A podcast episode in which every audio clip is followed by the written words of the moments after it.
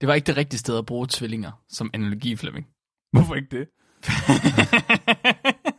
Så tvillinger har det med hinanden, som snegle, der har bollet med hinanden, har det med hinanden. Ja. Men uden at tvillingerne har bollet med hinanden. Ja. Okay. Ikke, det behøver de ikke, altså. Jeg Men tænker, det behøver de ikke. det kan godt være, at det styrker deres sympatiske kommunikation. Det ved jeg ikke noget om.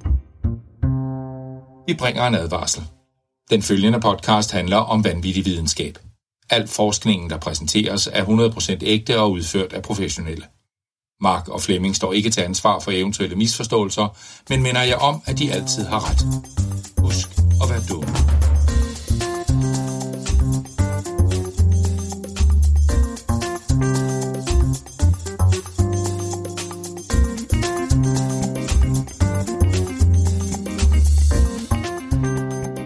Hej alle sammen, og hjerteligt velkommen til Videnskabeligt Udfordret. Din pro til vanvittig videnskab. Jeg er en snegl, Mark Lyng. Og jeg er mystikeren af kød. Flemming. Nej. Nej. Hvad for noget kød? Vaskeægte Flemming kød. Hvad for noget mystik? Mystiker. Ved Hvad du, for noget mystik? en mystiker, det er sådan en, der laver okulte, mystiske ting, Mark. Ja, det er klar over. Hvad for nogle mystiske ting, Flemming? Alle mulige ting, især med dyr og kød. Mest med kød. Hvorfor med kød? Hvad er kød? Hvad for noget kød? Hvad snakker du om? Du kan bruge kød til mange ting, Mark. I Hvad kan teorien. bruge kød til? I min teori? Ja. Hvad med i praksis? Du kan jo bygge ting ud af kød, for eksempel. Kan man? Hvad kan man bygge ud af kød? Alt muligt. Alt. Alt muligt. Det skal vi snakke om i dag, Mark. Hvad? Nej. Hvorfor? Hvad med, Mark? Er det et seriemord-afsnit? Jeg har en pitch til dig i dag. Okay. Internet. Var det pitchen? Det var en god pitch. Jeg kan godt lide internettet. Ja. God idé. Jeg har tænkt, jeg vil bygge internet ud af kød. det er min vision for fremtiden. Du tabte mig lidt. Du tabte mig en lille smule. Øhm, kan, du, kan du måske uddybe en lille smule? Ja. Hvorfor? Nej, Hvad? okay. Så Hvordan? jeg har jo lagt Hvorfor mærke... er, hvorfor er forresten et vigtigt spørgsmål? Hvor- Hvorfor er meget vigtigt? Hvorfor? Hvorfor kød? Det, internet. Ja, men det er jo fordi, det er, mere, det er jo mere miljøvenligt med kød, Nå, end, øh, end alt det der elektronikskrot, der ender Ja, ud i haven, ikke? ja. Så jeg tænker, jeg er meget sådan tilhænger af ideen om en fremtid med, med biomekanik og sådan noget. Hvor at Ah. vi sådan, i stedet for at, at have alting ud af sådan noget high-tech, så er der sådan noget, Ja. hvor vi bygger ting Ja. ud af GMO og kød. Så i stedet for, at dit internet, Mm. det starter ud ligesom internettet gjorde, det er nuværende internet, med opkaldsmodemmer. Men i stedet for at høre den der, blip, blip, blip, blip, så er det bare sådan to frikadeller, der klasker mod hinanden. Ja, de sidder, de sidder inde i din væg. Får man ikke mange rotter, hvis man har sådan kødinternet? Øh, det, øh, det tænker jeg, det kommer vi til. Altså, Mark, det, jeg har jo ikke, altså, det her det er jo, Undskyld, jeg er, bare, jeg er meget fascineret og meget interesseret. vi brainstormer lige nu, ikke? Det her det er idéfasen. Jeg, jeg vil gerne bede om en million kroner til at udvikle videre på den her idé. Ah, ja, Eller koster Men- du sig et år? det kan vi godt give. Ja, det er jo en af de ting, vi lige skal arbejde på. Altså, det er små ting, der lige skal justeres. Okay. Havde du en pitch? Nej, men jeg har, jeg har en mand med, der har en pitch her. Nå, okay, Ja, okay. Jeg har, vi skal tale om, så det er Julie. Tusind tak, Julie, for at sende den her historie ind. Det er en, øh, det er en fransk troldmand, skråstreg, okkultist, der i 1850'erne prøvede at, at lave det, jeg lige har beskrevet. Hvad? Jacques Touchon Bignon. Jeg kan næsten forstå, at det ikke lykkedes for ham. Jeg har i hvert fald ikke set noget kødinternet. Altså, jeg vil sige, Mark, jeg synes gang på gang, vi i den her podcast har oplevet, hvordan at nogen er kommet med en genial, banebrydende idé eller et koncept, og så er de ikke blevet taget alvorligt. Så er det gået i glemmebogen, og så kan vi så lang, lang tid efter se tilbage på deres arbejde og tænke, fuck mand, hvis bare vi havde lyttet til dem. Det er en god pointe. Tænk på antibiotika. Ja. Alexander Fleming, han blev grint af i årtier, han? før at Ej, det, at han overbeviste folk om, at hans mugne, klamme eksperimenter, de rent faktisk skulle redde liv. Gjorde han det? Det er jeg ret sikker på, at han ikke gjorde. Åh, det er jeg ret sikker på. Nu må jeg lige gå tilbage og høre et afsnit igen, Mark. ja, det kan da vist godt Der være. var også øh, sådan noget som fagterapi. Altså at bruge virus i stedet for antibiotika. Sprøjtemidler, ja. ikke? Ja, det har du ret i. Ja, ja, der er true, også noget true. som, øh, hvad hedder det, vask hænder, inden man opererer på mennesker, eller, eller er foretager kejsersnit. Så jeg det siger bare, noget fjollet noget, jeg tror her, jeg tror faktisk, Julie har fået grænet op her, som, som kunne ændre verden. Også i dag. Det tænker jeg. Jeg tænker kødinternettet. Kødinternettet. Ja. Ja. Kødinternettet. Kødinternettet. Internettet ad kød. Af kød, med kød. For kød. jeg kan ikke.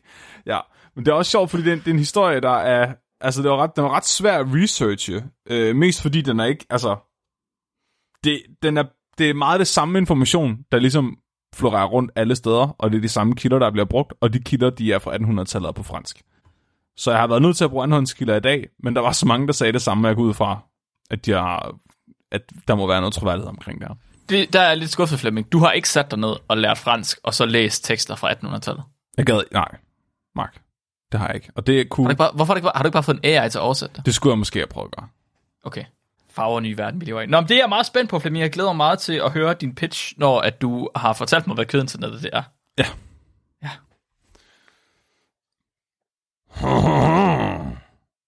Sakreplø. Det starter rigtig godt. Det er løvens hulemark. Du, øh, jeg kommer med min pitch her. Øh, oui, oui. Jeg er Bønjer. Jeg har et forslag. Du kender telegraf. Utrolig smart. Kommunikere på lang afstand. Men hvad nu, hvis vi kunne gøre det endnu længere væk? Uden ledninger. Jeg vil gerne bede om penge til at udvikle ja. Mit produkt. Det er smart. Jeg synes, det er smart. Øhm, hvordan? Jeg vil bruge dyre magnetisme og telepati. Nej. Nej, det vil du ikke. Hvad?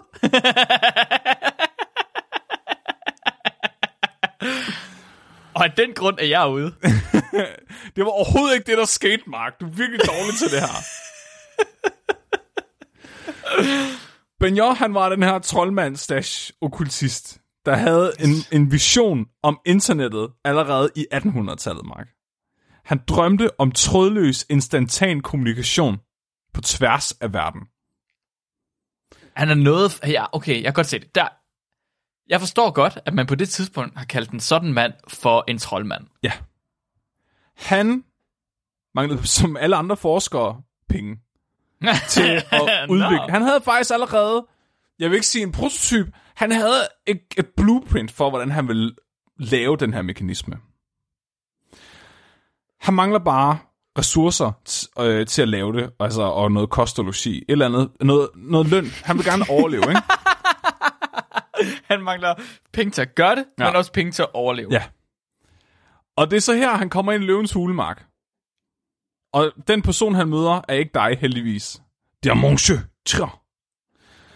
Forstanderen på et gymnasie i Paris. På Benjor, et gymnasie. yes. Altså i Den 1800 rigeste person i verden. i 1800-tallet, Mark. Come on. Det, okay, han har måske ikke været den rigeste person. Men han har haft noget andet. Han har haft muligheden for at indlogere studerende med kost og logi. Han manglede bare virkelig mad. Og den der stakkels mand, han har bare været hjemløs. Men det er jo det, prøv at høre, Mark. Det er jo det, alle forskere er, ikke? Det er jo hjemløse, der er allernådigst har fået penge til ikke at være hjemløs for en stund. Alle forskere, de bor i deres laboratorium, Ja. det ved man. Han, jeg ved ikke, Spiser, spiser deres lapting. ja, ikke pladerne. Mm, Men jeg- I dag skal vi have glas til aftensmad. Sidder og bruger øh, pipetterne som spisepinde. det er derfor, der fandtes mundpipetering Ja, drikker, og drikker, sugerør. øh, drikker finspritten. Ja. Nej, Benjo, han, han, er, han er på røven. Han har en vision, han vil gerne udvikle det her internet. Problemet er, at der er fem ikke nogen i 1800-tallet, der fatter, hvad internettet det går ud på. Og det kan man måske ikke bebrejde dem. Nej, ikke så meget. Så han har svært ved at finde investorer.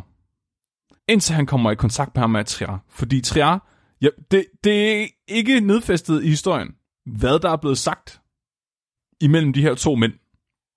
Men på en eller anden måde har Benyon overbevist ham om, at den her idé, den er fucking idiotsikker, og at Trier, han her investerer i fremtiden. Så Benyon, han får kost og logi, inklusiv lommepenge af Trier. Nej! Jo. Prøv lige at forestille dig det. Hvor, mange, hvor meget fik han i lompenge? Det øh, ved jeg ikke, men han har i hvert fald ikke manglet noget. Okay, okay, han var, så han, okay, han har ikke manglet noget. Nej, Han var rimelig godt, rimelig vel i stand efter det. han var nok til, at han kunne forske og udvikle sit internet. Okay, okay, okay. Altså jeg vil sige, jeg synes egentlig, det er et ret spændende tidspunkt i historien. Det her, ikke? Der er nogle gutter i Frankrig. Den ene person har lige fundet på internettet, og den anden person tror nok på ham til at investere i visionen. Det, det kunne godt være starten på en meget, meget vild historie om nogen, der har ændret verden. Ja, det kunne det. Måske har de også forstået, at de var på et tidspunkt, hvor de var ved at ændre verdenshistorien. Benyon har tegningerne til det her apparat. Det her apparat vil gøre det muligt at kommunikere trådløst. På daværende tidspunkt, der var telegrafen the shit. Altså, det var, det var det, man brugte til at kommunikere hurtigt. I stedet for at have en 14-årig dreng til at løbe med noget, eller binde det fast til en høne, og satse på, at hønen ikke dør på vejen, så begyndte man at finde ud af at bruge elektricitet til at kommunikere med. Så var inde, jeg var faktisk inde dobbelt hvordan telegrafen den fungerer. Men det der, Jeg skulle, lige til, jeg skulle lige til at sige, at jeg er garanteret virkelig dum nu, men jeg ved faktisk ikke, hvordan telegraf fungerer. nej, kender du morsekode? Ja, Bip, bip, bip, Det er morse. bip, bip. Ja, så telegrafen er utrolig simpel. Det er en ledning med strøm i. ja. Når du trykker på den der knap, der, er sådan, der sidder en gut i hver ende, der kan trykke på en knap, ikke? Når du trykker på knappen, så afbryder du strøm, øh, strømmen i ledningen momentant. Mhm. Mm-hmm. Sådan så, at øh, modtageren i den anden ende vil opleve, at der, at der er en konstant strøm, der så bliver afbrudt. Og det er det, der laver de her, øh, det der kan aflæses som biplyde eller kliklyde. ja Og det er det, man så kan bruge morsekode til, at starte og stoppe strømmen i nogle bestemte intervaller, som så gør, at personen kan sidde og oversætte starten og stoppen af strømmen til bogstaver. Og det er mm-hmm. det, der er morsekode og morsealfabetet. Så det var også den sygeste måde at kommunikere på dengang. Det var lidt bøvlet, fordi det betød, at du var nødt til at have en ledning, der gik fra punkt A til punkt B. Så du skulle på et eller andet tidspunkt sende en 14-årig dreng afsted. Men han behøver kun at komme afsted én gang Ja. med en ledning. Så havde man de her master med ledninger, der ligesom hang. Men de var jo nødt til i nogle tilfælde at være, du ved, kilometer lange, for at være praktiske. Altså du ved, hvis de ikke er længere, så kunne du lige så godt gå. Eller cykle. så det er sådan, Send din høne. ja, du, du, du altså, jeg, jeg tror, der har været sådan nogle stationer, sådan nogle noder, hvor folk ligesom har kunne sidde og tage imod, men alligevel, det har været meget, meget upraktisk. Alligevel implementerede man sådan nogle enorme netværk i øh, altså, større byer og sådan noget af de her telegrafledninger, så man ligesom kunne kommunikere på tværs af institutioner og sådan noget. Mm-hmm. Også under krig har man brugt det, altså trukket de her ledninger ud øh, om på tværs af, hvad hedder det, slagmarken, for at kunne øh, kommunikere fra en øh, base til en anden. Det betød så også bare, at du ved, hvis man vil sabotere dem, kunne man bare klippe ledningen over.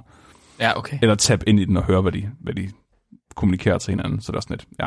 Så der var, hvad kan man sige, efterspørgsel på at gøre det her trådløst. A.k.a. internettet, Mark. Mm-hmm. Alle ved, internet er bare morsekode. det er, altså, det er der noget, det er der noget, der er en computer, Mark. Det er ikke meget galt. Ej, det er okay, fair nok. Benioff har nu endelig fået muligheden for at gennemføre sin vision. Den her vision, der vil komme til at ændre menneske, den menneskelige civilisation fuldstændig. Og Trier, han skal nu skrive sig ind i verdenshistorien sammen med Benioff. Internettet 150 år før internettet, Mark. Det her, det bygger på en teori. Det er ikke mega tydeligt for mig, om Trier har været helt klar over, hvilken teori Benioff han har bygget det her apparat på.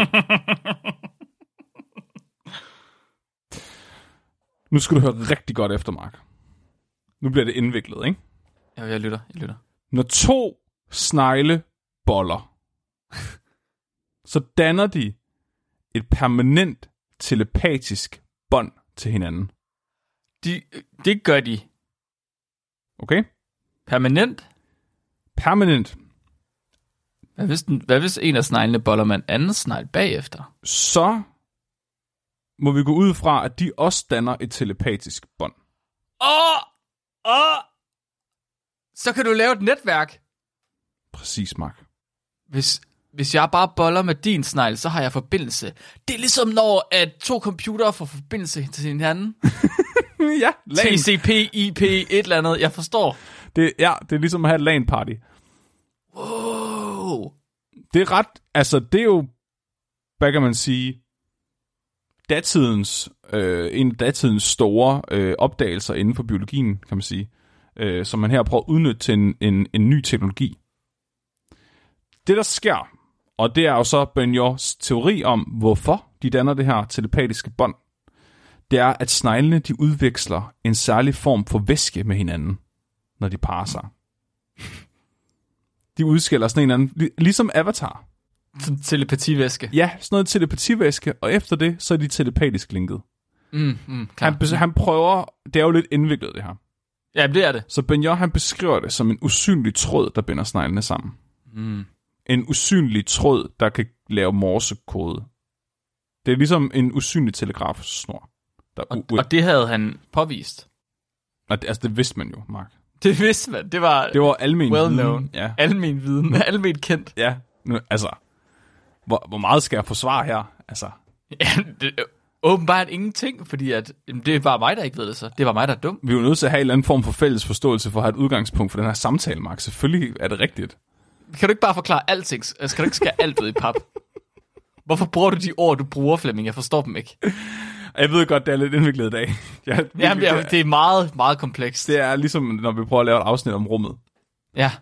Så snegleboller og et telepatisk linket. Ja. Det hedder også sympatisk kommunikation. Når man simpelthen, altså det er lidt ligesom vores afsnit om Cliff Baxter. Vores live show for Aalborg. Han havde den her idé om, at planter ligesom kunne mærke hinandens smerte, eller rejers smerte, eller yoghurts smerte. Så tænker de, her er det mere øh, simpelt. Du, du kan kun mærke øh, smerten fra noget, du har bollet med Mm. mm. eller glæden fra noget, du har bollet med. Så når snegle har bollet med hinanden, udvekslet væsken, så kan de lige pludselig føle hinanden. Så det er ligesom nogen, der siger, at tvillinger har det der bånd. At du ved, du kan mærke, der er et eller andet galt med den anden tvilling, eller sådan noget. Det får snegle med hinanden. Det var ikke det rigtige sted at bruge tvillinger som analogi, Flemming. Hvorfor ikke det? Så tvillinger har det med hinanden, som snegle, der har bollet med hinanden, har det med hinanden. Ja. Men uden at tvillingerne har bollet med hinanden. Ja. Okay. Ikke, det behøver de ikke, altså. Jeg tænker, det ikke. det kan godt være, at det styrker deres sympatiske kommunikation. Det ved jeg ikke noget om. Vil man få sådan et overmenneske, sådan to mennesker, der smelter sammen til et overmenneske, hvis to tvillinger, de havde samleje? Altså, jeg har jo ikke set data på det her, Mark. Men jeg forestiller mig i virkeligheden... Hvad for noget, hvad for noget er det? Sneglene eller tvillingerne? Præcis. altså, det kunne være, at man skulle prøve at skrive til Tvillingeforskningscenteret på SDU, om man ikke kunne prøve at få nogle enæggede tvillinger til sammen at få... Nå nej, de skal være tvækket. Hvad mindre vi bruger... Ja, okay, vi er tvækket.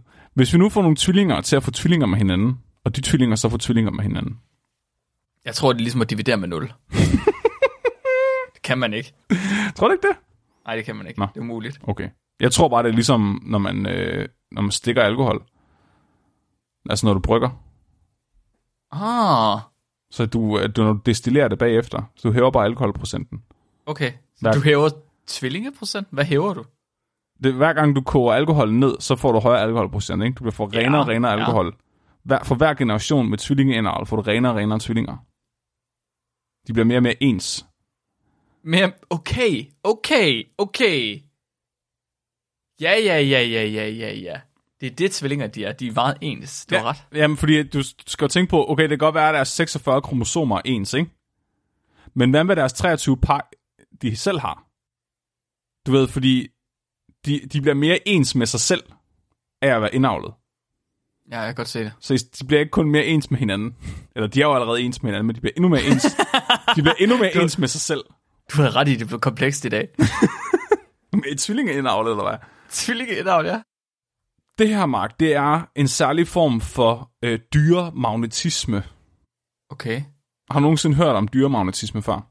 Ja, jamen det har jeg. jeg. Vi har vel også snakket om det. Ja. Øh, hunde har magnetfelter. Nej, okay, det er, ikke, det er ikke den slags dyremagnetisme. Nå, det er ikke den slags med, det er ligesom, når Det folk siger, at de har grønne fingre, fordi de er gode til planter, så er der nogen, der siger, at jeg er en dyremagnet, eller jeg har dyremagnetisme. Du ved, sådan. Nej, vent, hvad? Det har jeg aldrig hørt om. Hvad snakker du om? Er det folk, der mener, at de har et eller andet specielt med dyr? Ja. Eller er det dyr, der har et eller andet specielt med dyr? Ja, Jeg lige forstår det præcis. Det, er sådan lidt, det kommer an på, hvem du spørger i forhold til dyremagnetisme. Men der var den her idé om, at dyr de havde et eller andet særligt link til hinanden. Ikke. Hvad? Ligesom det her med sneglene, der boller. Men også, at du kan have det med dyr. Så du kan have en eller anden telepatisk connection til dyr. Eller dyr kan have det med hinanden. Det er en del af den her okulte bevægelse, der startede i 1700-tallet. Hvor man sådan begynder at have naturvidenskab, men ikke rigtig okay. Ved, hvad man laver endnu. Det griner fordi det er både antropomorfiserende, men det er også sådan lidt, åh, hippie-agtigt, vi kan godt lide naturen. Ja, bare de Men du ved, vi kan ikke lide naturen så meget, at vi siger, at dyrene er en del af os. Nej, nej, nej, dyrene er for sig selv, men du kan godt være en del af dyrene. Ja, vi kan godt lide dyrene, hvis vi forestiller os, at vi kan læse deres tanker. Eller Ja, ja, ja. Benioff, han har designet et apparat. Hans internetapparat. Mm-hmm. Som simpelthen er i stand til at høste sneglenes telepatiske bånd til menneskets vinding.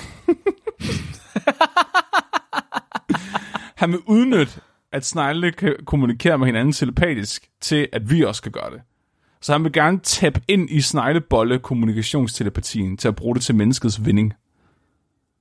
Hvad nu, hvis du kan bruge det faktum, at nogle snegle har bollet med hinanden til at ringe til din farmor? det må man ikke. Det tror ikke, man må. Det er årets julegave. Og tænk, hvis hver gang, at din farmor ringer, så er du sådan, åh nej farmor, hvad har du gjort? Hvad har du fået de snegle til at gøre? Det er ikke okay, det behøver de ikke. Det er overgreb, det må man ikke, det er dyrmishandling. Jeg tænker også på, altså når man skulle prøve at lære sine bedsteforældre at bruge teknologi, og de sådan ikke forstår det. Sådan, åh, hvilken side af DVD'en skal vende op af, eller sådan, hvordan bruger man... hvordan bruger man en fjernbetjening, ikke? Altså den der misforståelse af, Nå, men jeg har haft sex med sneglen nu, min dreng. Nej, farmor, de skulle have sex med hinanden.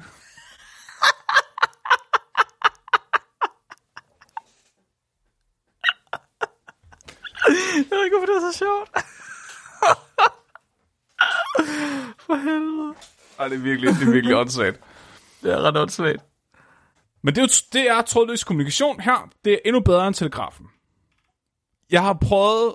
Jeg går lidt ned... Jeg har prøvet at undersøge, okay, fordi... Hvor fuck har han fået den her idé fra? Mm-hmm. Man kunne tænke, han har trukket ud af røven. Men... det har han Det gør sådan nogle mennesker ikke. Nej. Så for det første, så hele den her idé om trådløs kommunikation ved hjælp af kød, er faktisk slet ikke ny på det her tidspunkt. Det er faktisk ret populær. William Brooke O'Shaughnessy, tror jeg, man udtaler det. Vi siger bare, at han hedder William. Han er øh, en rimelig sindssyg person på det her tidspunkt også. Han øh, var er kendt som faderen af medicinsk cannabis. Han var ansvarlig for at sætte telegrafnetværk op i størstedelen af Indien og andre dele af Asien. Han var den første, der begyndte at snakke om at bruge intravenøs behandling til kolera. Og han blev slået til ridder af dronning Victoria. Ligesom alle andre store tænkere dengang, var han ikke, han var ikke paleoantropolog, men han var med i en kult. han var med i Rosenkorsordenen. En kult. simpelthen en kult. Det var en hel masse øh, rige mænd, der mødtes for at lave underlige ting sammen. Ja, De har sikkert pillet ved børn, men de har også lavet andre ting. okay. De lavede mysticisme, Mark.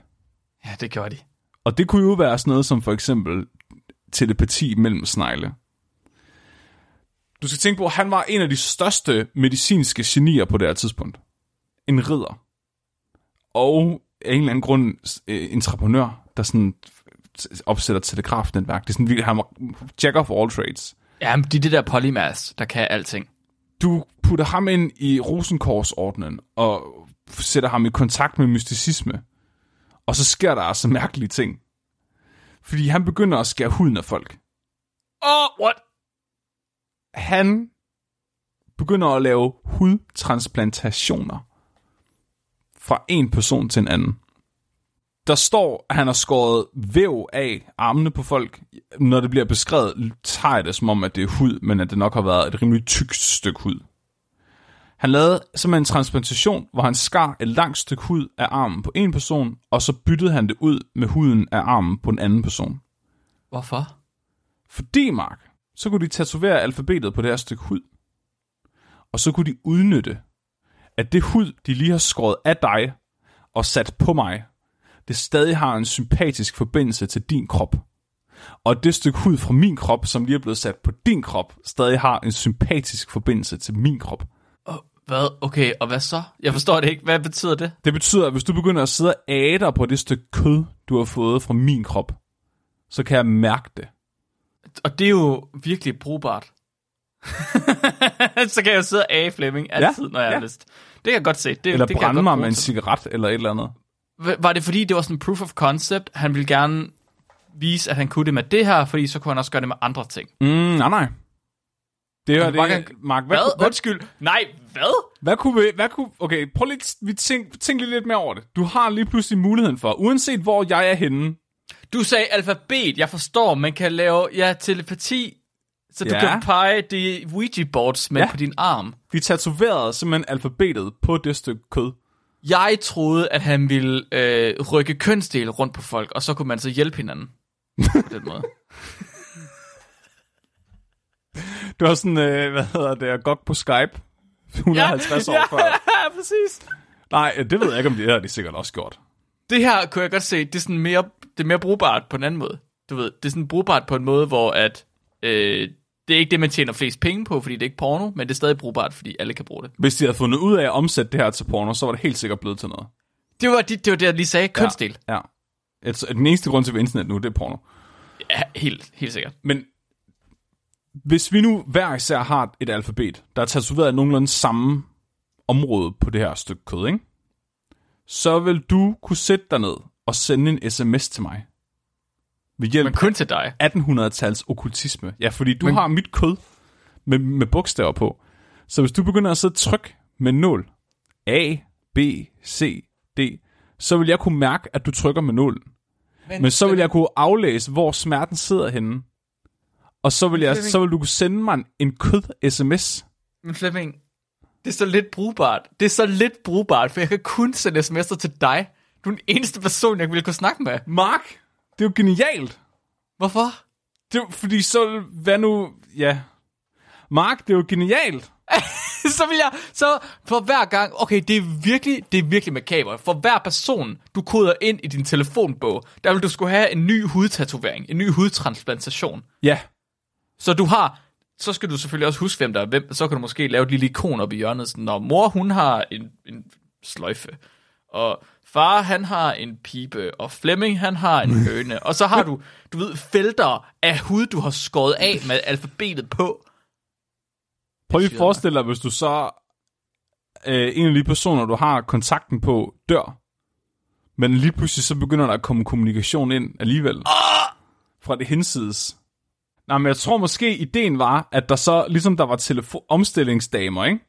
da telefonen begyndte at blive en ting, så kunne man have måske på hvert universitet, hvad nu hvis der var et universitet i Hongkong og et øh, i, øh, i London, hvor, hvor, hvor der var to personer, der var telepatisk linket til hinanden så ville de kunne instantant kommunikere fra universitet til universitet. Med deres nye opdagelser, for eksempel. Eller hvis nu der var krig, og du gerne vil øh, kalde, øh, du kunne, okay, du kunne ikke ringe efter en airstrike, men du kunne have en øh, person i fronten, der simpelthen kunne kommunikere tilbage til hovedstaden, hvorfra øh, beslutningerne bliver taget med det samme, hvad der sker på fronten. Ja, ja. Mm. Det ja. kunne også godt så, være... Så du, ja, har, du har solgt den til mig, du har solgt den til mig, jeg forstår det. Virkede det? overvej lige, okay, Jeg ved ikke, hvorfor jeg, Mark. jeg, ved ikke, hvorfor jeg spørger. Jeg ved, ikke, jeg ved altid ikke, hvorfor jeg spørger. Jeg ved altså ikke, det der med menneskehuden. Ja. altså det virkede i hvert fald godt nok til, at de blev ved med at gøre det. ja, det er sådan et intet svar. ved, du, ved, du, ved, du, hvad, ved du, hvad William han kaldte det? Nej, hvad kalder han det? Den sympatiske kødtelegraf. Ej, det er et godt navn. Ja. Kom og tryk lidt på min kødtelegraf. Skal vi ikke lave telefonfis med Flemming? Og du kan trykke det på min kødtelegraf. Åh, oh, ja.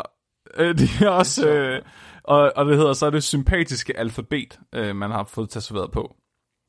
De skriver, jeg læste en note, der står, det er vigtigt, at kødet stadig er friskt og blødende, når man gør det. Ej! Ej! Det er noget fucking satanistisk shit.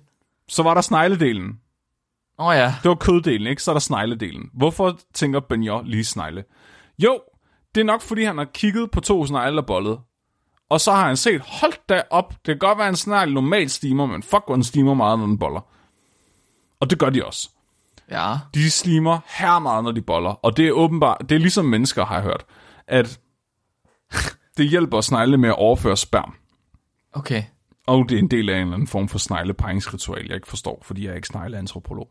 Vi havde jo faktisk snegle med i vores dyresex-afsnit. Det har jeg fortrængt, det der kl- klamme spyd, de stak hinanden med i hovedet. Nej, det var, det var fladorme. Men Åh. snegle, de lavede sådan en, sådan en spiral om hinanden, hvor de snod sig ind i hinanden. Og så den ene af sneglene kunne så, den havde en penis, som den ligesom kunne vende på vrangen. Og så kom der sæd ind i den penis, og så kunne den så lukke om den igen, og på den måde blev den befrugtet. Og om der er også nogle snegle, der spider hinanden. Jeg har været inde og læse om snegle. Nå, okay, fair nok. Der er i hvert fald nogle biologer, der har siddet og kigget på snegle og bollet længe nok til, vi ved det her med sikkerhed. Okay, Benjo, han har lagt A og B sammen. Han har sagt, snegle de slimer her meget, når de boller, og øh, kødtelegrafen. Jeg vil helst ikke have en tatovering eller skåret med kød af. Det gør ikke noget. Jeg har en hel masse snegle. Så han, han får kost og logi og lommepenge af træer. Men på et eller andet tidspunkt. Og det, vi ved ikke, om Træer han har vidst, hvad Benjos idé var. Måske har han fortalt ideen og været sådan, jeg kan ikke fortælle dig, hvordan jeg har tænkt mig at gøre det i praksis, fordi det her er øh, patent. Øh, jeg er stadig i gang med at tage patent på ideen. Men jeg kan fortælle dig, hvad jeg gerne, jeg, jeg gerne vil opnå, og så har han været sådan, ja. Men på et eller andet tidspunkt, så har Træer måske opdaget, at der var et eller andet galt i hovedet på Benjos. fordi han Hvorfor, hvorfor har du alle de der snegle ude i skuret? Hvad fanden sker der? Ja, men jeg tror måske ikke helt, det har været, som man forestiller sig. Der har været et eller andet. Så han, øh, han blev sådan lidt utålmodig. Øh, efter et år blev han sådan, okay, nu, Benjo, hvad fuck laver du egentlig? Jeg troede, vi skulle have noget internet. Kan du ikke lige, jeg vil gerne lige se, hvad du har gang i. Så Benjo, han går med til at vise Tria, hvad det er, han arbejder på. Tria, han kommer ind, Mark, og nu vil jeg prøve at beskrive for dig, hvad det er, han ser. Mm-hmm. Han ser et 3 meter højt stilas, der er lavet ud af træ. På det her stilas er der fæstnet 24 små skåle af zink. Og omkring hver zinkskål er der ligesom sådan et stykke stof. Det her stykke stof, det er dyppet i kobbersulfat. Og bundet fast med kobberledning. I bunden af hver skål, altså inde i selve skålen, Mark, der er der limet en snegl fast. en levende snegl er limet fast inde i den her skål. Så 24 snegle, og på okay. Skjoldet af hver snegl står der et bogstav. Ah! Hvordan fungerer det? Vent, hvad? Undskyld, hvad? Så, Var det Men... Trier, han sagde? har jeg betalt for... har jeg givet dig lommepenge, kost og logi et år for det her? Er det her vores... Skal vi ændre menneskeheden med det her? Tilsammen udgjorde de her 24 snegle datidens franske alfabet. Han havde ikke kun en af de her 3 meter høje stillaser. Han havde to. Det er imponerende i sig selv, Mark. jeg har bygget to stillaser, det har du ret i. Det bliver endnu, jo mere jeg tænkte over det her, ikke? jo mere imponerende synes jeg faktisk, det var. Nu er vi lige nødt til at prøve at tænke over det her. Ikke? Der er to stillaser. Hver især har hver en snegl for hele alfabetet. Hvis det her er lavet ifølge hans teori, ikke? så betyder det, at hver snegl, der har hvert bogstav, har bollet med den tilsvarende snegl.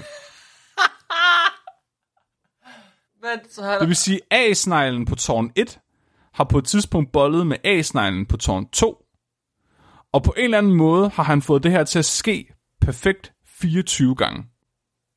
Hvor, hmm, det er fordi, at når du trykker A på den ene, Mm. så skal den sige A på den anden. Ja. Prøv lige at overveje, Mark. Benio, han har på en eller anden måde ikke kun bygget det her mærkelige tårn, hvor han har limet sneglene fast. Han har siddet og lavet pedelmutter og fået dem alle sammen til at bolde med hinanden. Jeg har virkelig sådan, jeg har virkelig legit gået og tænkt mig over, hvordan fuck har han gjort det her, ikke? Men- Fordi, altså, jeg er sådan en, jeg, jeg ved ikke, hvor nemt det er for to snegle til at bolde med hinanden. Men jeg ved personligt, hvis jeg ser to snegle, der boller, så er det vildt nok til at stoppe op og kigge på det. altså, ikke, det er ikke noget, du ser. Det er ikke ligesom kaniner, der bare boller overalt hele tiden. Det er ikke, altså, hvor tit ser man to snegle, der boller, Mark? Jeg er ret meget ude i naturen. Jeg ser ikke særlig tit to snegle, der boller. Men du har heller aldrig, du har aldrig været, du har aldrig givet dem omstændighederne til at bolle. Jeg har ikke siddet og spillet harmonika for dem, det er rigtigt nok. Nej, præcis, du har ikke lavet pedelmutter. Hvem ved, måske gider snegle bare ikke bolle, når de er ude i naturen. Måske gider de kun at bolle, når de sidder under en franskmands kyndige hænder. Måske skal der en kærlig franskmand til, før det er, at man gider bolle som snegl. Jeg vil så gerne vide, hvordan man får to... Altså, hvordan lader man Kirsten Giftekniv for to snegle? Altså, hvad skal der til for at få dem in the mood? Rosenblad og Barry White. Jamen, altså, jeg, altså, jeg er sådan en, jeg henter folk omkring... Jeg kalder på folk omkring mig. For, Øj, der er to snegle, boller! Kom og skynd jer, kom og kig! Men det var sgu da også næsten det, han gjorde. Han sagde bare ikke, der er to snegle, boller. Han sagde, jeg har bollet 24 par af snegle. Kom og kig. Ja. Var hans plan så, at det her, det var proof of concept, kan jeg mm-hmm. næsten forstå. Det er noget større end hans, eh, ikke hans, men en øh, kød-internettet. Sådan i skala. Ja, det her, det skalerer ikke så godt. Det er en stor mobiltelefon. Ja, Ja. Øh, var hans plan, at hver eneste hus, eller hver eneste sted, der skulle kunne det her, skulle have et stillads? Hvor at sneglene havde bollet med alle snegle på alle de andre stilladser? ja. Hvordan? Han havde limet sine snegle fast. Jeg går ud Ja. fra det er vinbjergsnegle, eller et eller andet snegle med en hus. Ja. Og så limer han huset fast i bunden. Ja, Hvordan boller du en ny snegl med den snegl, der er limet fast i bunden? det gør du ikke. Hvordan tilføjer du flere folk på dit internet? S- øh, du, an, ja, Mark, jeg Du, tror, starter, jeg du tror, starter med at vide, hvor mange brugere du vil have fra starten af. Ah, men du er allerede du videre til næste fase af projektet. og Det kræver et års kost og logi mere. Jamen, du er nødt til, du er nødt til, når du går i gang med så projekt her, så er du også nødt til at vide, hvordan man skal lære det op. Ellers kan du ikke ændre verden, Flemming. Jeg tænker, der det er en trådløs telegraf. Ikke? Ja, ja. Så du har en person, der sidder og betjener anordningen i hver ende. Så de modtager beskeden fra sneglene det andet sted, ikke? Gennem ja. sneglene, der hvor du er. Og så skriver du beskeden ned. Og så kan du så tage det andet snegletårn, som er koblet op til et andet sted, og så sender du den besked videre. Sådan, så du behøver ikke have dem til at bolde med hinanden. Du har sådan en mellemled, som Okay, er så du- substitutten for Ja. at få bo- Ja. sneglene til at bolde. Du køber, så du køber altid. Det er måske bare fordi, at jeg er farvet af moderne tid, og at du ved, det her, det virker så simpelt. Øh, men det, det, på det tidspunkt var en telegraf, det var, at du havde basically to, altså det var, det var øh, dåser på snor, right? Ja. Det var, det var parvist. Du var ikke, det var ikke sådan, at du kunne koble dig til, og så kan du sende et, en telegraf til flere telegrafer. Altså, nej, så, altså, så har der siddet sådan nogle noder. En node, hvor der har været en person, der så har sendt Har kunnet sende beskeden videre. videre, Okay, hvis det det, har mere avanceret. Okay, se, så tror jeg godt, så, så kan jeg godt forstå det. Så du har kunnet kon- konkurrere med telegrafen ved, at den var trådløs. Hvordan konkurrerer du med kødtelegrafen? Den er også trådløs, Flemming. Ja. Og den er mindre. Og det- du kan have flere kontakter på en arm. På en gang. Men her, men Mark, er det snegle, der har bollet med hinanden? Nej, det er det ikke. Du kan heller ikke bare lige tage kødtelegrafen af, når du kører hjem. Det er rigtigt. Var det et snegletårn? Hvor stor var det tårn? 3 Du meter sagde et højt. stillads. En 3, meter. 3 meter. 3 meter højt. Ja, 3 meter højt! ja. Hvorfor skulle han bygge et stillads på 3 meter for at have 24 snegle til at ligge der? Fordi, Mark, han har jo koblet dem alle sammen sammen med kårledninger. Nøgne kårledninger. og klude med kårsulfat, ikke? Jo, klart. Okay, fair nok. Nå, men det er fint nok. Så hvad, hvad sagde Trin, Trinoir? Hvad den hed? Træer. Triar? Han, øh, han har nok været sådan lidt, jeg vil godt lige se det her, før jeg tror det. Så han, øh, han pressede Benjo til at demonstrere hans apparat in action. Mm-hmm. Vis mig, det virker, Kjeld. Ja. Ej, Så det nu... okay. nu Sacre bleu. De... Øh, der kom... Nu måtte det ligesom briste eller bære for Benjor med hans vision om sneglesex-internettet. Så den 2. oktober 1850, der skal han demonstrere sin opfindelse. En historisk dag, hvor pressen er inviteret med, Mark. Åh oh, nej. Det ene stillads med de her 24 snegle bliver sat op et sted, og så et stykke derfra bliver det andet stillads sat op. Trier, som har investeret øh, betydelige summer penge i det her projekt, får lov til at stå og betjene snegletelegrafen. Der er gået meget baguette. Rigtig projekt. Ja. Ej, den havde faktisk et rigtig fint navn, som Ben han gav den. Han kaldte den det The Pasilalinic Sympathetic Compass. Holy moly. Okay. Og jeg kan ikke finde ud af, hvad Pasilalinic skulle betyde. Men det er sikkert noget med snegl. Måden det her fine apparat fungerer på, det er, at du står, ligesom på en gammeldags skrivemaskine, og så dutter du på sneglene. Dut, dut. Så dutter du lige sneglen. Øj, A, B, C, og så dutter du ligesom sneglen.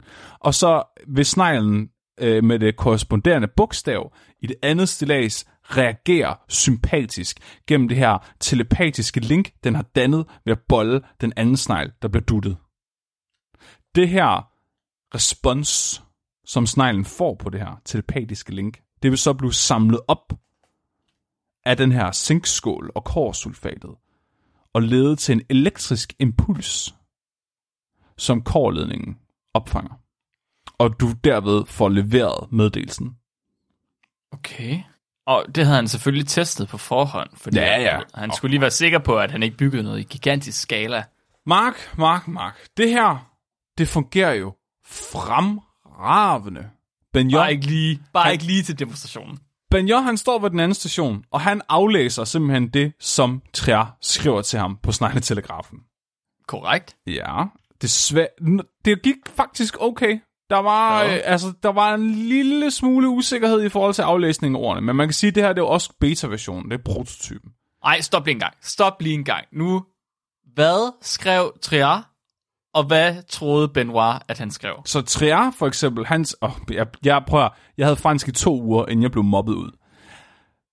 Trier, han skrev ordet gy, gymois, men øh, Benjot, han noterede gymnas. Altså så G-Y-M-O-A-T-E blev til G-Y-M-N-A-S-E. Så to næsten ens ord. Men betyder de det samme? Nej, Nej. det er fandme tæt på, Mark. Det her det er snegle, der har bollet med hinanden. Et G-Y-M, det var rigtigt nok. Så har han lige misset O'et, og så har han fået A'et og E'et, og så har han lige kommet til at putte T'en i stedet for et S. Det er faktisk kun to afvielser ud af hele ordet. Okay. Det kunne jo godt være, at du ved, en af sneglene over ved Triar kom i tanke om en sjov vittighed, den havde hørt på et tidspunkt. det ved vi ikke. Det kan godt være, at T-sneglen bare fuckede med dem. Det er en ærgerlig, det er en ærgerlig bug, hvis mm. ens sms, øh, den bare lige pludselig sætter et tilfældigt ord ind. Det er bogstaver. imponerende. Det er virkelig imponerende, det her, det lykkedes, og der skulle næsten ikke noget arbejde til. Altså, det kan godt være, at Ben han kom nok til at gå lidt frem og tilbage mellem stationerne, men det var kun lige for at sikre sig. det var kun lige for at sikre sig, at Triar han duttede rigtigt på sneglen. Nå. Okay? Og, øh, må jeg lige se, hvad for en snegl du det på den her gang? Ej, det, ej Ja. der skal du dutte sådan her. Det er her, Triar, han øh, kommer til at tænke, ah, hør nu lige her, hold. Ej, hold. Hold. Kan jeg vide, om det her det er bare noget fucking bullshit? kan jeg vide, om jeg lige har spildt en mindre formue på en tosse, der står og dutter nogle snegle? Ja. Trier, han nej, nej, nej, nej, nej, nej, nej, Trier. Det er dig, der dutter på snegle. Ja. Tri- Trier, han, øh, hans bullshit-detektor, den går rimelig meget amok. Heldigvis, heldigvis, Mark, så var pressen af en anden overbevisning. Fordi Benjot, han kom delen dut med i avisen dagen efter, det kan jeg godt sige dig. I La Presse den 25. og 26. oktober i 1850 kunne man simpelthen læse om den her fantastiske anordning, som Benjot havde udviklet, som skulle gøre det muligt at kommunikere telegrafisk, men trådløst ved hjælp af dyremagnetisme. Den her journalist, der har været til stede til demonstrationen, var så imponeret over, at det virkede så godt, at han foreslog en fremtid, hvor kvinder vil gå rundt med et bælte, hvorpå der var limet fast 24 snegle, Ej, stop. således at de kunne kommunikere telepatisk med andre. Prøv lige at forestille dig den alternative tidslinje, hvor kvinder i 1800-tallets Frankrig gik rundt med 24 vinbærsnegle limet fast til maven. det, vil, det, vil jeg, det vil jeg gerne have set. Så ikke hvis al vores trådløse kommunikation, det foregik gennem snegle nu. Eller prøv at tænke, så Benoit, han tog jo bare et skud i togen. Han sagde snegle, fordi han havde set dem bolle på en bestemt måde. Mhm. Men der er masser af andre dyr, der boller endnu vildere. Hvad nu, hvis det slet ikke var den vildeste form for telepati, han kunne have fundet? Hvis han kunne have fundet nogen, der var langt mere effektivt, eller nogen, der ikke bare griner med det hele, sådan at han havde fået ordet 100% første gang. Hvilket andet dyr havde været bedre egnet, Mark? Ja, ja. Hvad med en høne? Hyæner? 24 høns, der er limet fast til en pæl. Høns, de dutter kloakkerne sammen, ikke? Nå ja, men jeg tror faktisk, nu når jeg lige tænker om det, snegle var smarte, fordi de er hermafroditter, ikke? Ah. Men i virkeligheden er der jo en af dem, der påtager sig rollen som hunden og handen i paringsagtet. Så i det, de hermafroditter, er det måske faktisk sværere at finde ud af, om kommunikationen går begge veje. Måske var det fordi, at han havde byttet rundt på damesneglen og mandesneglen, og du ved, det er kun damesneglen, der kunne telepati, fordi mandesneglen ikke var empatisk.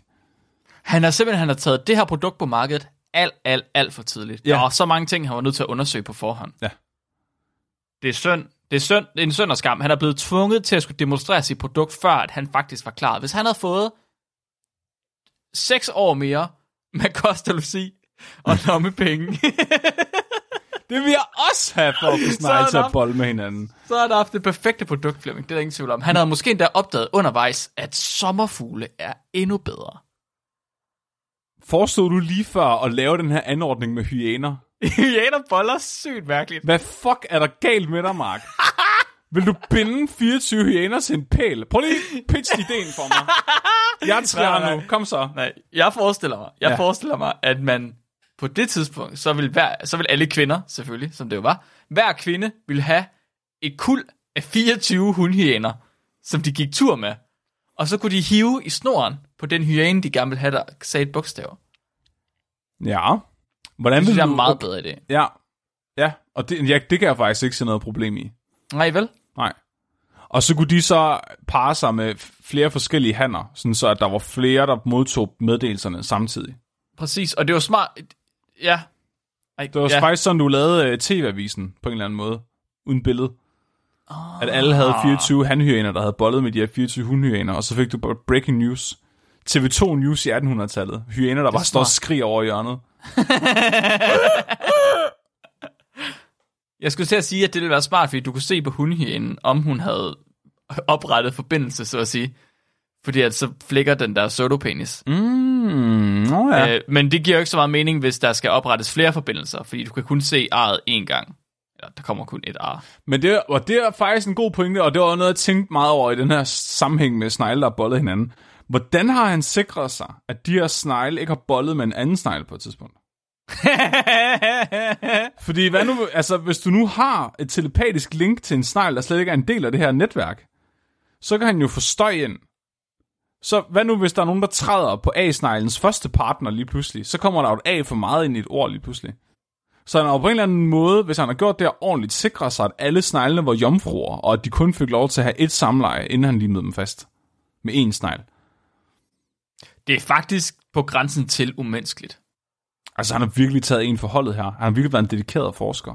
Jamen, det har han. Han har jo, han har jo holdt snegle adskilt fra hinanden. Med stor, med stor besvær, er jeg sikker på. Men altså, okay, så tænker jeg, du tager sneglene fra de unger, og så, så, så opfoster du dem, og så bagefter får du dem til at bolle, ikke? Det er den eneste måde, du kan gøre det her videnskabeligt korrekt på. Fordi så ved du, at det er første gang, du nogensinde har haft sex, og det er også sidste gang, så den har kun et telepatisk link.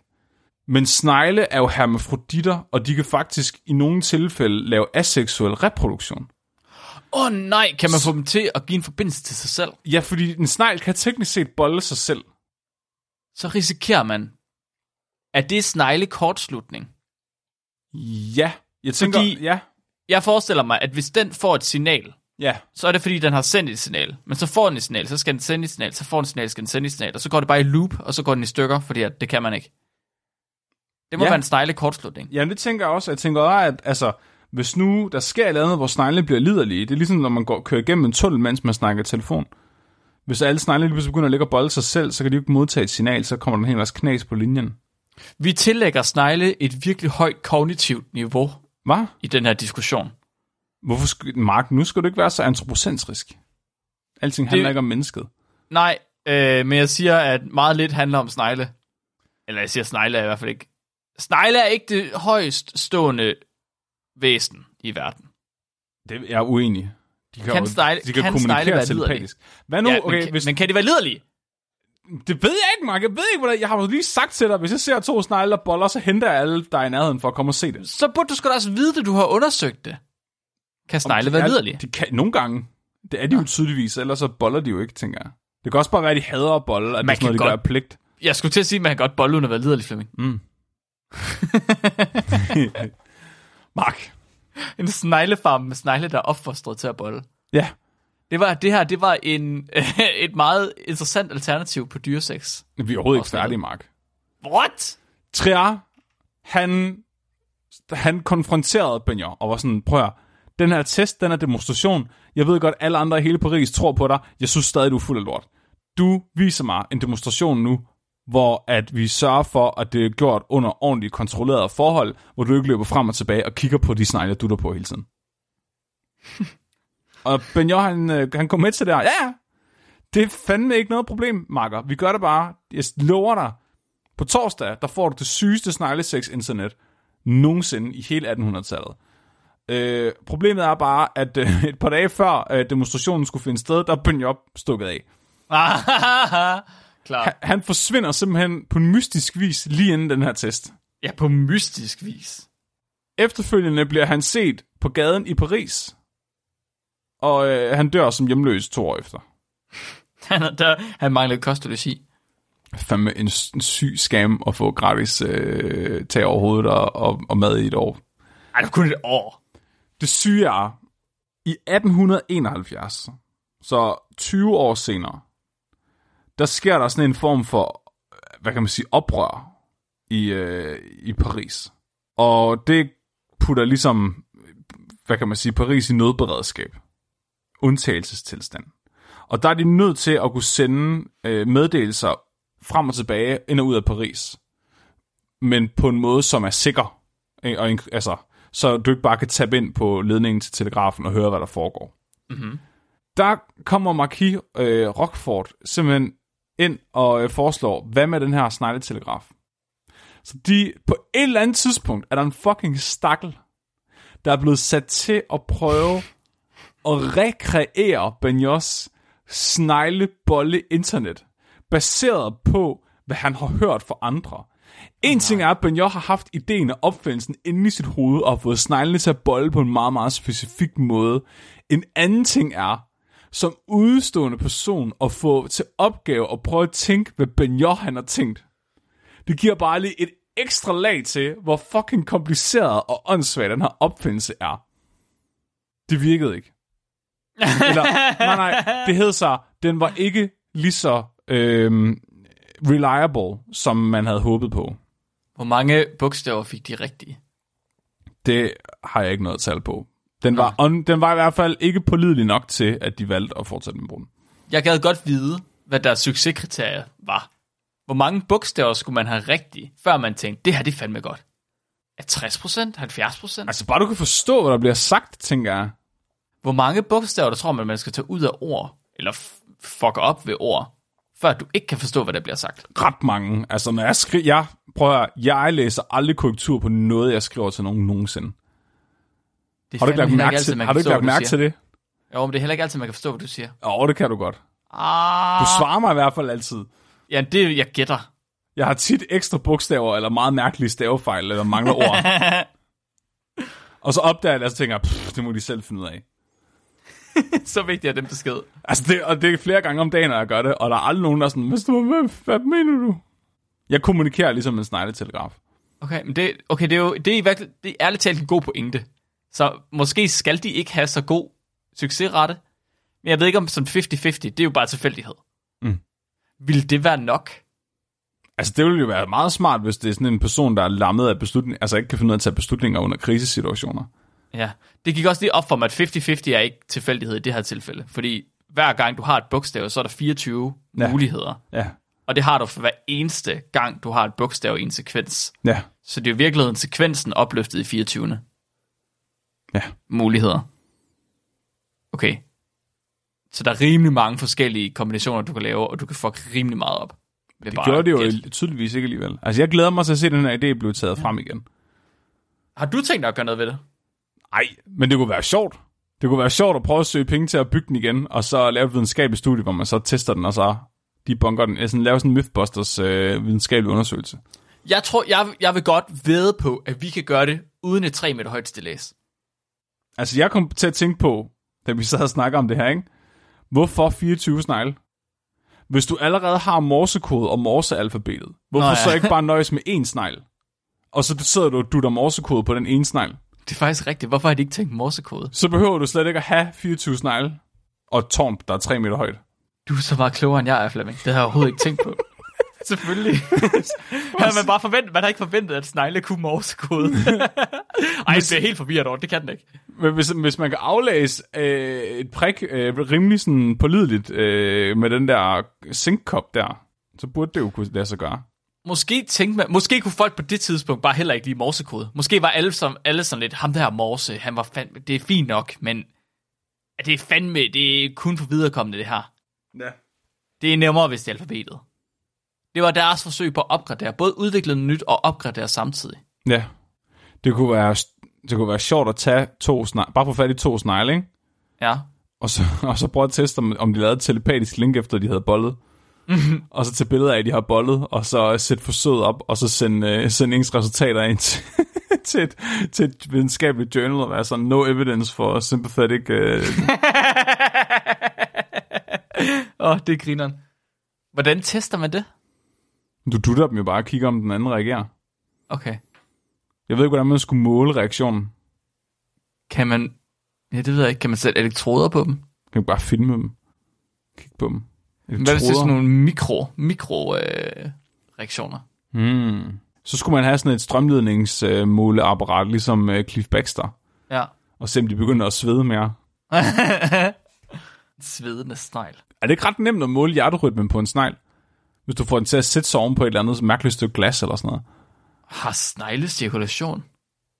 Ej, det, det har de da. Har de? Jeg, øh, jeg spørger, fordi jeg ikke ved det. Det tænker jeg, at de har. De bløder, når man tramper. Eller... Det Gør tror de? jeg. Gør Hva? de? Bløder de? Gør de ikke det? Bløder de, Flemming? Bløder snegle? Jeg Det gør de der, Mark. Bløder snegle. De bedste snaskede kanelsnegle. Det var ikke det, jeg ville fucking vide. De har et Do cirkulationssystem. snails bleed? Snails, like other living creatures, do indeed bleed. However, their blood is different from that of humans and other vertebrates in both color and composition. Okay. Så snegle bløder. Man bare se, Mark. Help, my snail is bleeding, and I can't do anything to stop it. Det er en historie. okay. End den Okay. Okay. Snegle har et cirkulationssystem, bløddyr har et cirkulationssystemer. Det vidste jeg godt, Flemming. Jeg er biolog. okay. Så... Nu er jeg færdig. Okay, så... Vi fik ikke kødinternettet, eller snegle-internettet den her gang. Endnu. Endnu. Du forventer, det kommer. Kan du sige sådan cir- på cirka skud i togen? Hvornår? På torsdag. Uh, ja. Er det dig? På torsdag, Har du lavet det der, på øh, torsdag? laver jeg en robust demonstration af min uh, snegle-internet. Vil du filme den og lægge den, lægge Nej, den op? jeg har tænkt mig at forsvinde kort tid før demonstrationen. og leve som hjemløs på Tåsingens gader, indtil jeg dør. 8 dage senere. Er meget poetisk. Det synes jeg er en god idé. Jeg ved, om det er sådan en forbandelse, som folk de bare tager på sig. Når de siger, nu laver jeg snegle internettet, så er det, der sker. så dør man af at være hjemløs. Jeg vil godt betale koster du sig indtil på torsdag, for, Ja, hvis du okay. laver snegle indtil. Fuck, nej. Oh, det er på torsdag i morgen, fuck. Ja. Åh, oh, Flemming. Det er sindssygt. Uh, tusind tak for den historie. Jeg vil indrømme, jeg er okay tilfreds med, at vi trods alt fik det internet, vi har. Prøv lige at overveje, hvis det havde virket, hvor meget anderledes verden havde været i dag. Jeg sidder stadig og tænker på det der med, hvorfor man ikke brugte binet-system. Hvorfor, hvorfor havde man 24 snegle? Hvorfor bare én? Men jeg sidder og tænker på nu, hvorfor har vi så mange taster på vores tastatur? Hvorfor ikke bare én? Ja, bare så... Hvorfor ikke bare én, stor knap? Ja. Du vil bare gerne have en stor rød knap, du kan sidde og skrive alting på. Ja. Det kan godt se ind på dit arbejde, du, folk der får en rundtur derinde. Så er der Mark, han sidder lige og programmerer.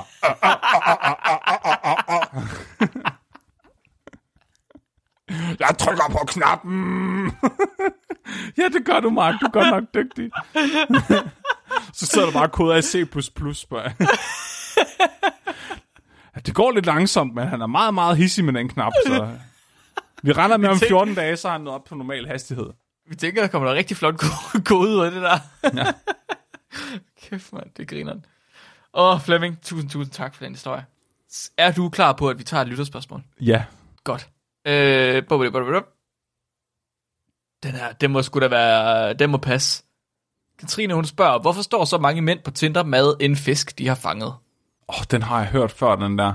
Ja, der jeg hørte nogen, der havde en samtale om, hvorfor mænd øh, i USA tit øh, havde billeder, hvor de var på jagt og havde skudt noget. Så hun, hun kommer selv med en hypotese, men Ja. jeg ved ikke, om du vil have lov til at spekulere først. Altså, det var åbenlyst, Mark. Ja. Ja. Åbenlyst fra et evolutionært psykologisk standpunkt. Ja, ja, ja. Evolutionspsykologisk set, så er det jo fordi, de viser, at de er providers, at de Fuck, er det var, ja. de stærke jægere, der kan skaffe dem føde, og gokke dem i hovedet med en kølle og hive dem i håret ind i deres hule. Ja, men i Fordi så fald, det er lige Katrine, præcis det, kvinder på Tinder gerne vil have. Katrine, så var det Rå det, fisk. som du spurgte efter. Det var det, ja, det var Ja. det. Tænk sig, fisk. hvis han ikke kunne fiske, så ville de dø af sult, og jeres børn vil dø. Er størrelsen på fisken vigtigt? Ja, det kommer an på, hvor mange børn du skal brødføde. Hvad hvis man bare har mange fisk?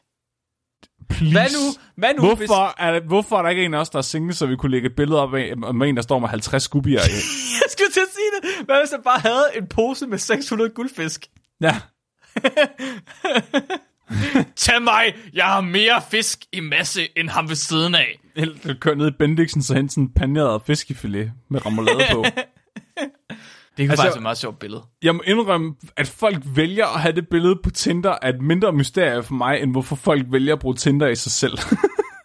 Men er det et mysterie for dig? ja. Bruger folk ikke Tinder for at bolle?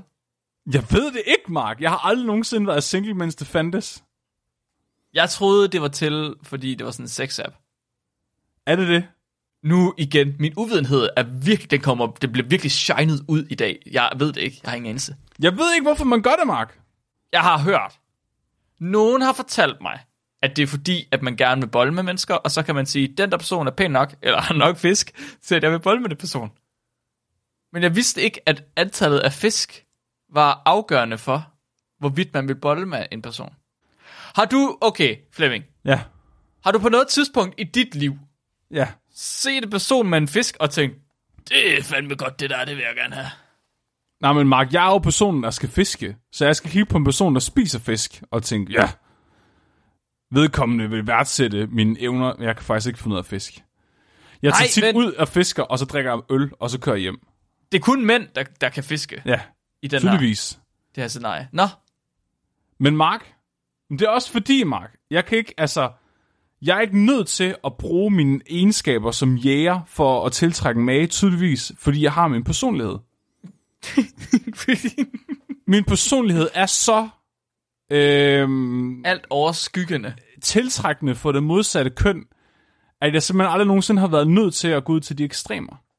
Er det, der, det, du, det er derfor, du er så mærkelig? Det er fordi, du bruger din mærkelighed til at maskere, at du bare ikke kan provide. Jeg behøver, jeg behøver slet ikke grave så dybt ned i skuffen øh, af øh, min, min perso- altså fordi min personlighed den er så fantastisk.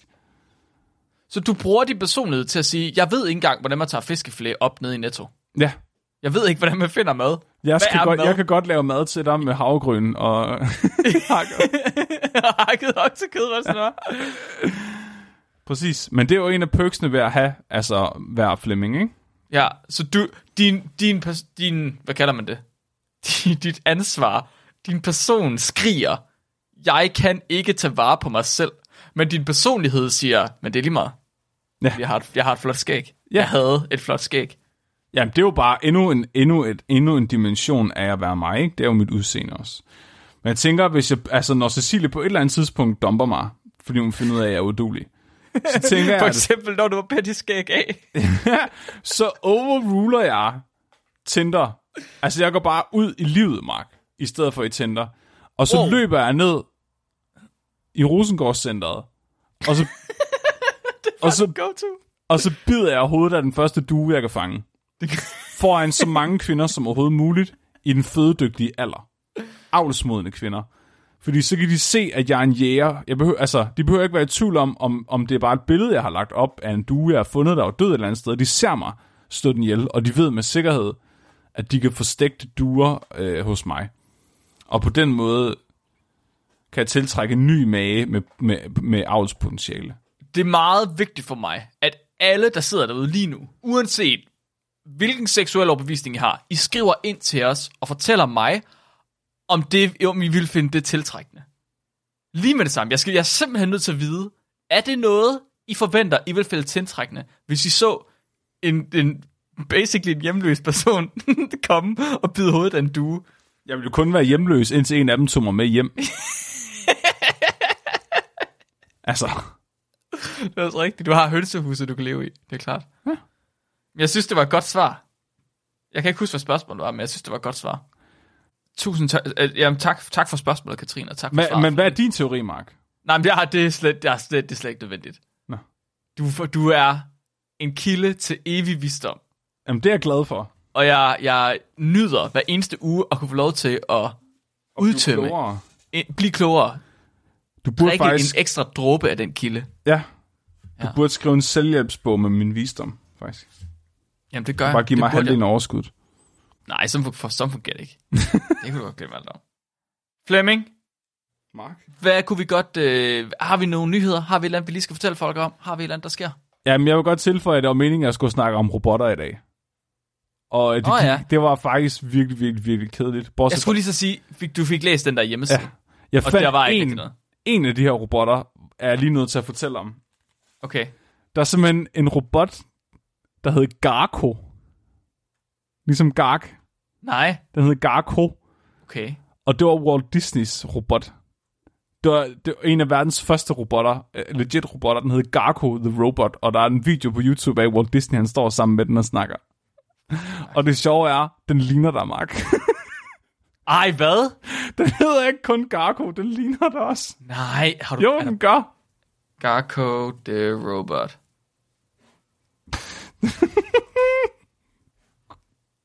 Ligner mig? Hvad mener du? Den har, snakker du om? det, den har fuldstændig det samme ansigt som dig, en til en. Der er et Hvad billede, snakker du om? Det er en metalspand. den står, prøv at høre, der er et billede, hvor den står og hammer med en hammer, og den holder værktøj fuldstændig ligesom jeg forestiller mig, du gør. Åh, oh, det er godt. Det er virkelig godt.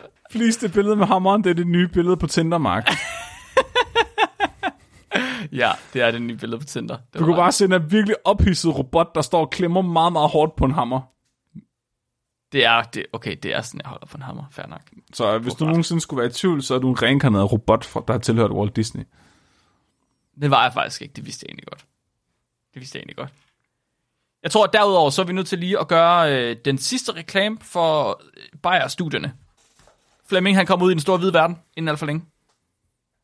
Right, Flemmer? Ja. Ja, ja, ja. Bare- I bare bliv hjemme, for guds skyld. I det her afsnit udkommer den 19., hvis jeg kan tage helt fejl. Det tror jeg er rigtigt. Det betyder, at den her weekend, der kommer nu, efter I har hørt det her afsnit, for I hører det altid tirsdag morgen klokken 7, det er klart. Den 23. og 24. september, der kommer Flemming simpelthen ud og øh, drikker nogle bajer med nogle folk. Han tilbyder bajer. Du kommer til Odense den 23. og Aarhus den 24. Eller er det omvendt? Omvendt. 23. Omvendt. i Aarhus i Universitetsparken, og den 24. i Odense i øh, Munkemose Parken. Og, og hvad er det lige, du skal? Klokken Hvorfor 12 er det, du... til 15.